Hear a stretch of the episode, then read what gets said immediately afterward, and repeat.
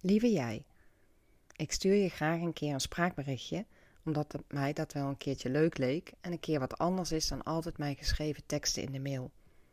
Maar nu allereerst de allerbeste wensen voor het nieuwe jaar 2022. Ik dacht dat je het misschien wel een keer leuk zou vinden als ik eens iets vertel over een voorbeeld in de praktijk. Daar komt ie. Een lieve moeder kwam bij mij in de praktijk omdat ze zich zorgen maakte over haar dochtertje.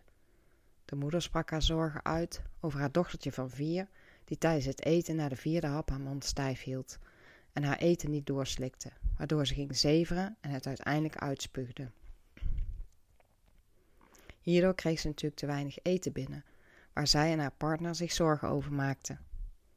Ook werd het er natuurlijk niet gezelliger op aan tafel, want dit gaf uiteraard de nodige spanning, elke dag weer. Naar de dokter waren ze al geweest en gelukkig was er niks medisch aan de hand. Ik stelde haar nog wat meer vragen en ging aan de slag met mijn vertaling.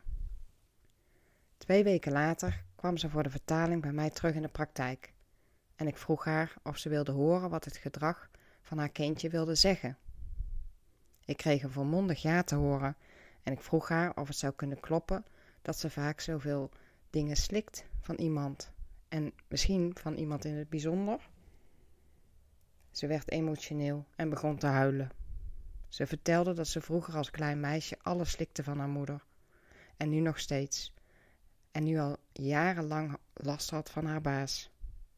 Dat ze er schoon genoeg van heeft, maar alsmaar niet de moed heeft om het te veranderen en ook niet weet hoe ze het kan veranderen. Ze stond er versteld van dat haar kleine meisje dit spiegelde, want hoe kon ze dit nu weten? Ik vertelde haar dat onze kids heel ontvankelijk zijn, hoe klein ze ook zijn, en dat ze onbewust dit spiegelen uit liefde voor de ouder. Deze moeder was verwonderd en vond het magisch en wonderbaarlijk. Nu kijk ik voor altijd met andere ogen naar mijn kind, zei ze. Na deze vertaling ben ik nog verder met haar aan de slag gegaan en heb ik haar nog meer inzichten en tools mee naar huis kunnen geven.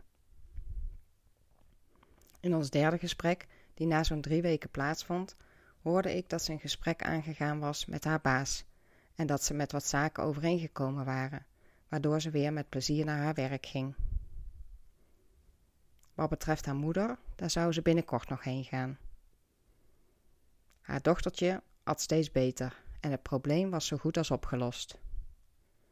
Ik vroeg haar of ze me op de hoogte wilde houden wanneer haar dochtertje weer een terug, of, ja, wanneer haar dochtertje een terugval zou krijgen. Hierop appte ze mij een paar weken geleden. En toen ik haar vroeg of ze een gesprek had gehad met haar moeder, stond dit toch nog op haar to-do-lijstje. Toen ze hiermee aan de slag ging, zag ze dit terug in het eetgedrag van haar dochtertje. Haar dochtertje at weer normaal en het probleem was over.